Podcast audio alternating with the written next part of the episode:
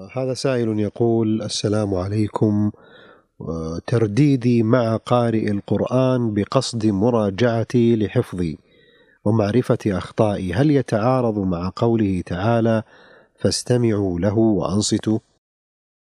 الترديد مع القارئ لا يخلو إما أن يكون في الصلاة ففي الصلاة حينئذ يجب الإنصات ومأمور للاستماع بالاستماع لإمامه. نعم. لا يجوز له أن يردد معه. يقتصر على ما أوجب الله عليه كالفاتحة وأما ما عداها فيلزمه الإنصات والاستماع. خارج الصلاة بأن يستمع لقارئ ويردد وراءه من أجل أن يتعلم على يديه فيقرأ آية القارئ ثم يردها خلفه أو يسمع من شريط وما أشبه ذلك أو من إذاعة أو غيرها برنامج لتعليم القرآن هذا لا شك أنه من ضروب التعلم.